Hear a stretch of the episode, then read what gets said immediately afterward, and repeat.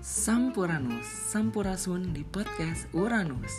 Halo, gua Ray. Kali ini bagian gua ngejelasin tentang lika-liku masuk PTN Terutama pengalaman gua di SMUK.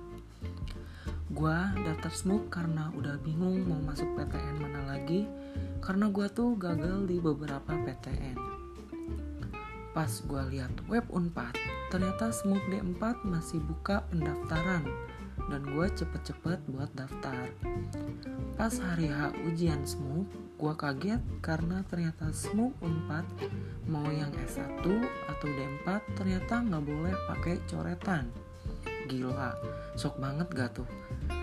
By the way, ada hal menarik pada saat gue SMUK D4. Jadi, gue ngerjain SMUK pas lagi kena COVID. Yoi, waktu itu gue sekeluarga lagi kena virus covid yang lagi booming banget. Gak kebayangkan udah pusing penyakit ditambah pusing ngerjain soal tanpa coretan. Kalau ditanya soal smoke susah atau gampang Soal smoke D4 dibilang susah enggak, dibilang gampang enggak. Yang penting strateginya pas dan doa orang tua paling penting.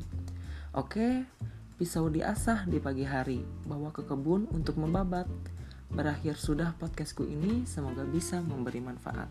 Sekian, terima kasih.